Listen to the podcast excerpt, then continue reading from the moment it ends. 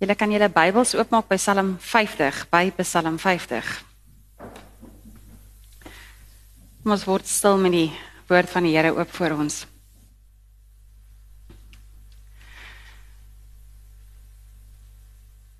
Here, wees ons dat U fees vier oor ons tuiskoms.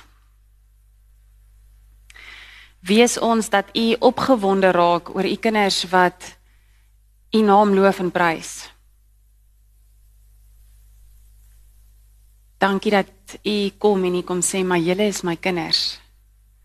Julle is my volk, julle is my mense. En dankie dat ons in oorgawe u liefde kan ontvang. Here, waar ons nou u woord oop het voor ons, vra ons dat u kom praat. Spreek Here want ons luister. Amen. Ek uh, lees Psalm 50 en ek lees uit die 83 vertaling uit vanoggend. Dit is 'n uh, eh, nogal 'n interessante Psalm hierdie. Hy wat reg lewe vir hom sal ek red. Dit is die opskrif daar, dis 'n Psalm van Asaf. Die Here is God. Hy alleen is God. Hy spreek, hy roep die hele wêreld op van waar die son opkom tot waar hy ondergaan. Uit Sion, stad van volmaakte pragt, verskyn God in glans. Ons God kom. Hy bly nie stil nie. Voor hom uitbrand 'n vuur, rondom hom woed 'n storm. Hy roep die hemel en die aarde op vir die saak teen sy volk. Maak bymekaar die wat aan my getrou is en met 'n offer 'n verbond met my gesluit het. Die hemel getuig. God is regverdig en hy is die regter. Dan begin God met die volk praat. Luister my volk, ek wil my saak stel. Ek wil teen jou getuig Israel. Ek is God. Ek is jou God. Dit is nie omdat jy nie offer dat ek rekenskap van jou eis nie. Jou brandoffers is gedurig voor my. Ek wil geen jong bul uit jou stal hê of bokke uit jou krale nie want al die diere in die bos is myne, die wild op duisend berge. Ek ken al die voëls van die berge. Al wat roer op die veld is myne.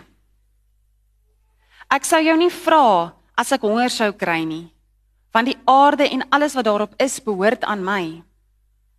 Eet ek miskien die vleis van die bulle wat jy offer of drink ek die bloed van bokke? Lof is die offer wat jy aan God moet bring. Betaal jou geloftes aan die Allerhoogste.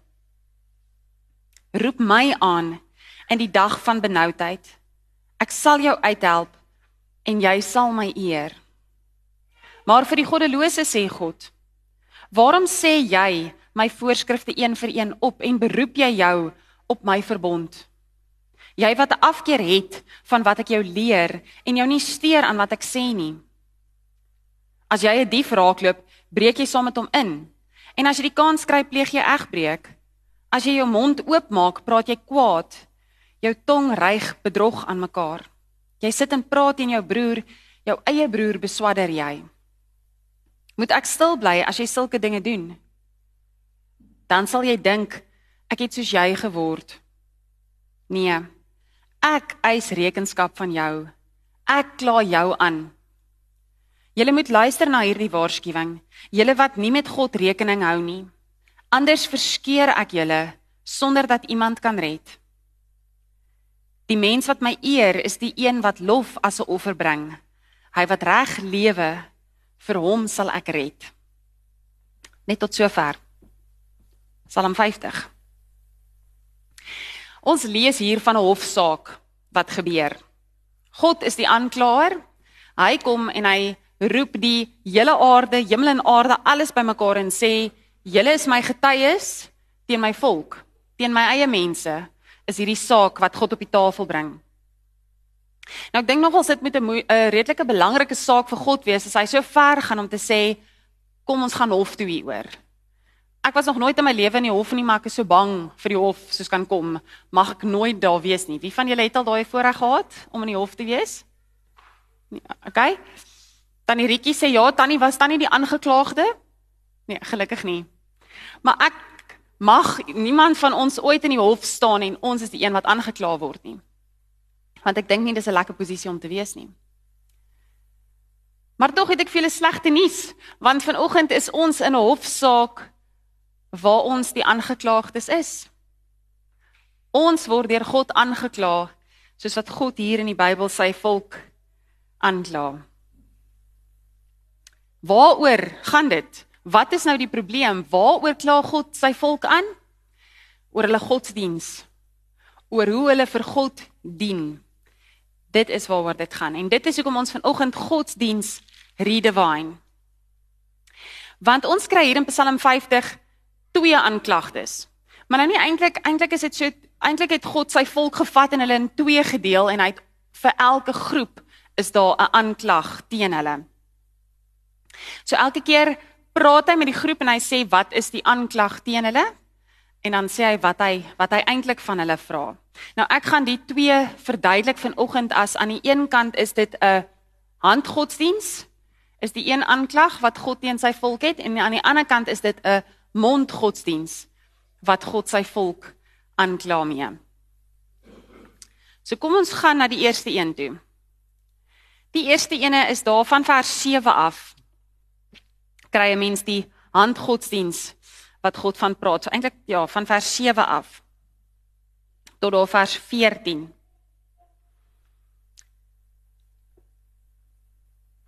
Hierso sê God die aanklag gaan nie oor wat die volk gedoen het nie, maar wat hulle redes is. Want God sê ek sien julle offers en dis baie mooi en baie oulik en dit is vir my goed dat julle offer, maar die probleem is dat die volk het begin dink hulle kan God omkoop met hierdie offers. Of hulle het begin dink dat God afhanklik is van hierdie offers. So wat gebeur het baie afgode van daai tyd was afhanklik van mense se offers. Dis hoekom God hier sê, lyk dit veel of ek die vleis eet van hierdie goed wat julle offer? Nee, hy doen nie. Want God is nie afhanklik hiervan nie. Maar vir baie afgode van daai tyd was dit letterlik 'n geval van die mense het iets geoffer want die gode was honger en alleen as die gode dan iets geëet het, dan gee die gode vir die mense iets. So die afgode was afhanklik van dit wat geoffer is. So as jy gesukkel het, dit is een van die beste voorbeelde. Skerry soos wat dit is. Hulle het vir vrugbaarheid hulle eersgeborenes geoffer. Daar was 'n afgod gewees wat gevra het, jou eersgeborene moet jy offer, letterlik verbrand, dan sal jy vrugbaar wees. So die mense van daai tyd was gewoond aan afgode wat sê jy moet eers dit doen, hierdie en hierdie doen dan gaan jy hierdie en hierdie by hierdie God kry. En God sê vir hulle maar nee, hy begin daar vir hulle te sê ek is jou God. Ek is God. En onthou jy ek is wie is ek? Ek is anders as hierdie afgode van jou. Ek sê nie vir jou jy moet offer en dan kyk ek eers hoe lyk hierdie offer en dan sal ek vir jou iets doen nie. God werk anders. En dis hoekom God hier vir hulle sê hy, hy soek nie hulle handeoffers nie. Hy soek nie alles wat hulle doen as die dryf is om God te probeer omkoop nie. Want God werk anders. As ons lees in die Bybel, God werk nie soos wat die afgode van daai tyd gewerk het nie. As mens daai eersgeborene offer ding in gedagte hou, dan maak dit nogal sin hoekom dit nie so verregaande was dat Abraham vir Isak moes offer nie. Isak was die eersgeborene gewees. So toe God vir Abraham sê gaan offer vir Isak, toe het hy nie gedink is snaaks nie want daar was afgode van daai tyd wat dit verwag het. Maar selfs daar het God gesê, "But wait. Ek is anders. Ek is anders. Ek voorsien." Nou is dit belangrik dat God probeer nie vir die volk sê hulle moet nou ophou offer nie. Want God het besef dat sy mense het iets tasbaars nodig, iets fisies nodig wat hulle kan doen om hulle eer aan God te wys. So, hulle kan aanhou offer, maar hy wil hê hulle moet besef dat dit gaan nie oor die offer nie, dit gaan nie oor die wat van die doen nie. Dit gaan oor hoekom? Hoekom doen jy dit? Wat is jou redes? Probeer jy vir God omkoop? Probeer jy hom tot aksie oor dring of oortuig. God probeer hier vir die mense verduidelik dat 'n offer, enige offer is nie ter wille van God nie. Dit hou nie God aan die gang of aan die lewe nie. 'n Offer is ter wille van die mense. 'n Mensoffer omdat hy vir God wil dankie sê vir dit wat God reeds gedoen het. Nou oké. Okay, kom ons verduidelik dit so. Ons het nou nie meer 'n altaar hier voor waarop ons goed offer, brandsteek en fisies offer nie. Ons doen nie dit nie. Maar ons kom kerk toe. Dit is 'n fisiese ding wat ons doen. Ons gee geld. Ons is deel van kommissies of deel van die kerkraad of ons gaan doen uitreike of ons skenk goed vir ander mense. Dit is ons offers. Dit is ons fisiese goed wat ons doen om te bewys dat ons gelowiges is of om nie te bewys nie maar om te sê op 'n tasbare manier dat ek God loof en prys.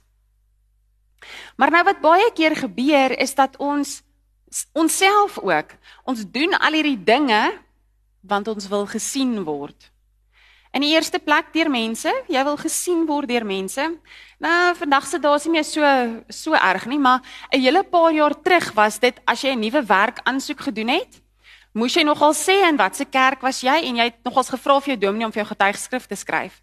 En daai dominee se getuigskrif het nogals waarde gehad. Né? Nee?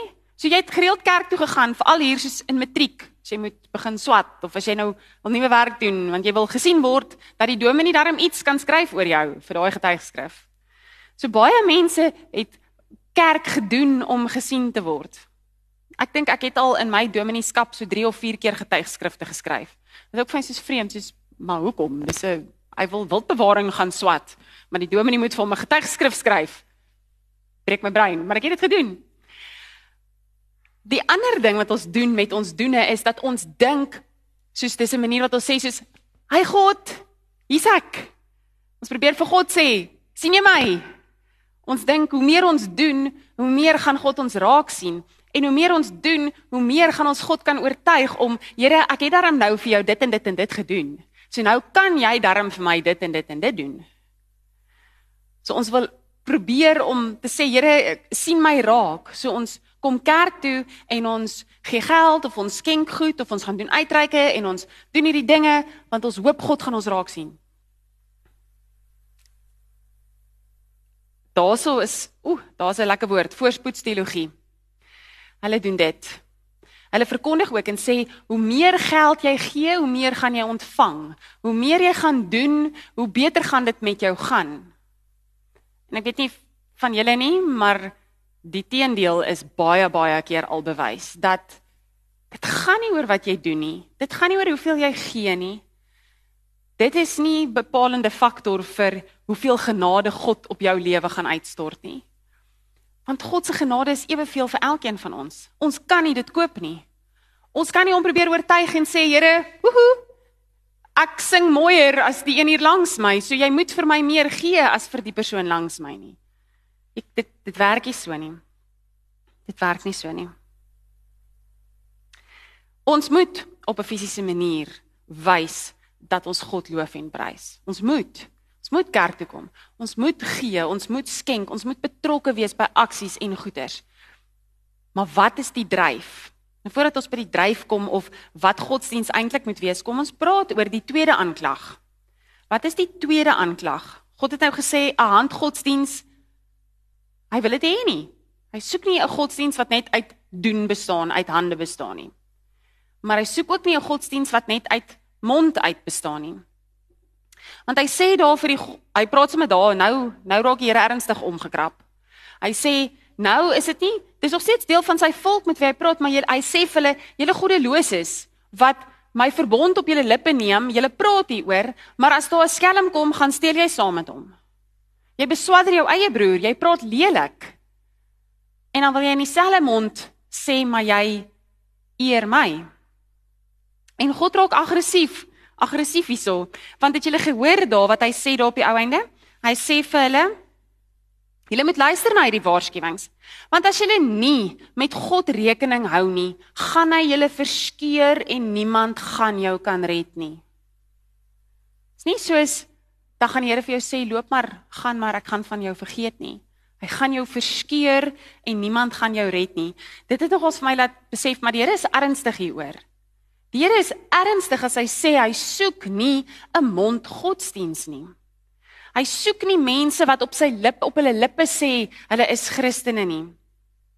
Maar hulle steel en breek af en praat lelik met daai selfe mond nie. Ons land, as jy statistieke lees, 80% is Christene. Kom ons kyk na ons land uh nee lyk like 'n land soos ons in 'n regtig soos 'n land waar 80% mense sê hulle is Christene not so much as jy 'n vormpie invul en daarso staan wat se godsdiens dan is daar 80% van ons land se mense wat daar gaan sê hulle is Christene hulle gaan daai boksie tik want dit is wat hulle is hulle is Christene maar dis net omdat dit is so hulle groot geword het of Daar's nie iets anders nie. Ek gaan nou nie daar skryf ateïs of moslem nie, so nou skryf ek maar Christen. So ek bely dat ek 'n Christen is, maar die lewe is net iets heeltemal anders.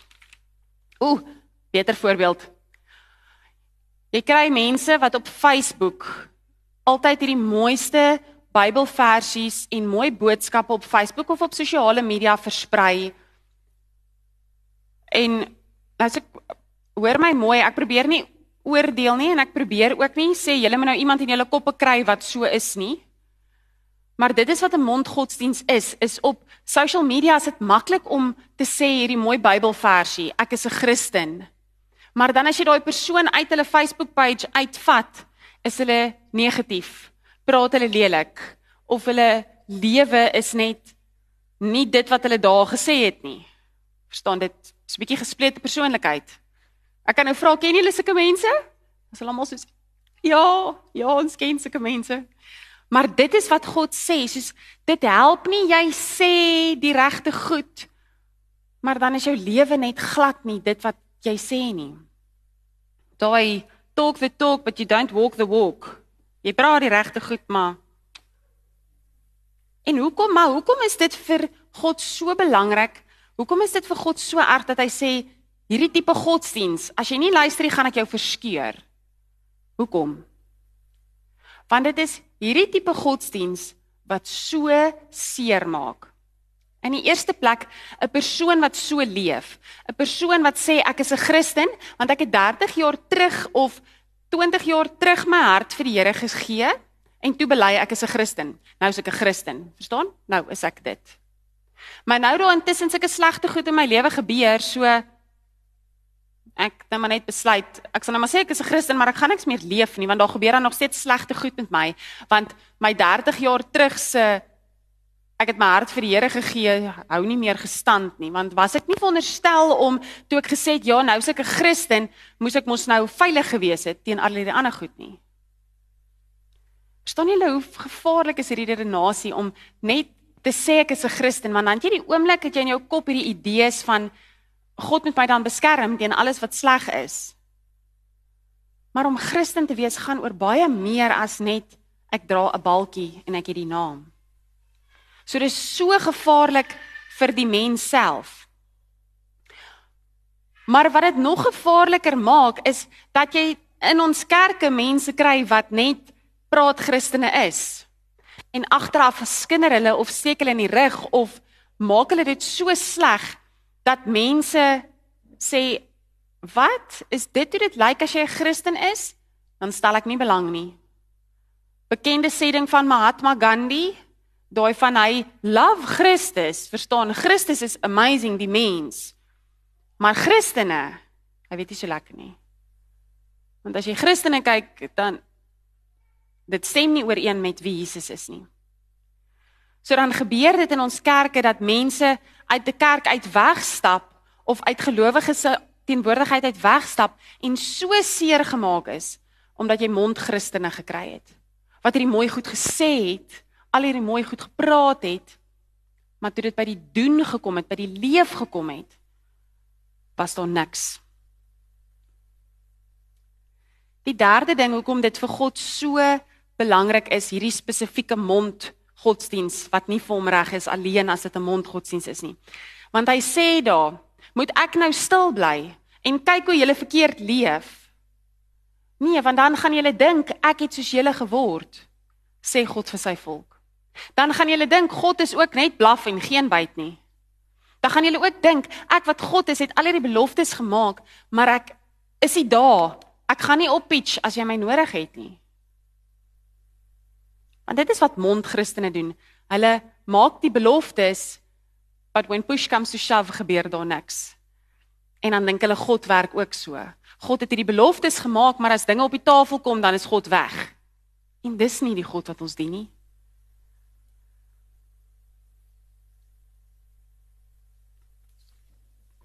Luister na die waarskuwing, want jy sal verskeur word en niemand gaan jou kan red nie.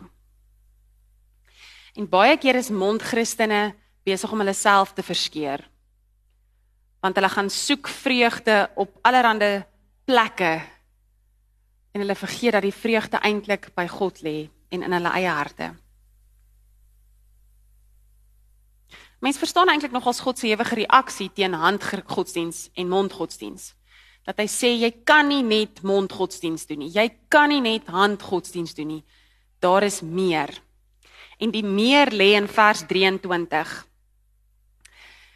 Die mens wat my eer is die een wat lof as 'n offer bring. Hy wat reg lewe, vir hom sal ek red. En daar hoor jy die essensie. Daar moet 'n offer wees. Daar moet 'n tasbare handgodsdiens wees. Daar moet 'n belydenis wees. Daar moet 'n praat wees, 'n mondgodsdiens wees. Maar wat bind dit bymekaar? 'n Hartgodsdiens. 'n Hart. Die dryf is die hart. En waar lê die hart? By God. Ons godsdiens, hoe ons as Christene leef, moet die oorsprong by God kry. Hy moet die fokus wees. Daai hele ding van wat jou hart van vol is, loop jou mond van oor. God se naam mag net oor jou mond kom as hy jou hart vol sit. Sy naam mag nie oor jou mond kom as jou hart leeg is nie. Jou hande mag nie besig wees met dinge as jy vergeet wie is die God agter daardie dinge nie. Dan mis jy ook die punt. Want ons dink met die regte woorde, met die regte dinge, kan ons in God se goeie boekies kom. Ons dink as ons mooi leef en nie te veel ernstige sondes doen nie, rook nie en ek drink net so af en toe en ek vloek nie en ek skinder nie baie nie en as ek net so sien ek, ek leef mooi, dan gaan ek in God se goeie boekies kom, dan gaan hy my raak sien, dan gaan hy vir my sê, "Well done, Nadia. Well done." Dit beteken niks as ek nie regtig 'n verhouding met die Here het nie as my hart nie vol van God is nie. Godsdienst moet gaan oor die hart en nie 'n sommer net hart nie. Psalm 51 het ek gelees aan die begin. God vra 'n opregte hart. Hy soek nie brandoffers en goed wat jy vir hom offer nie.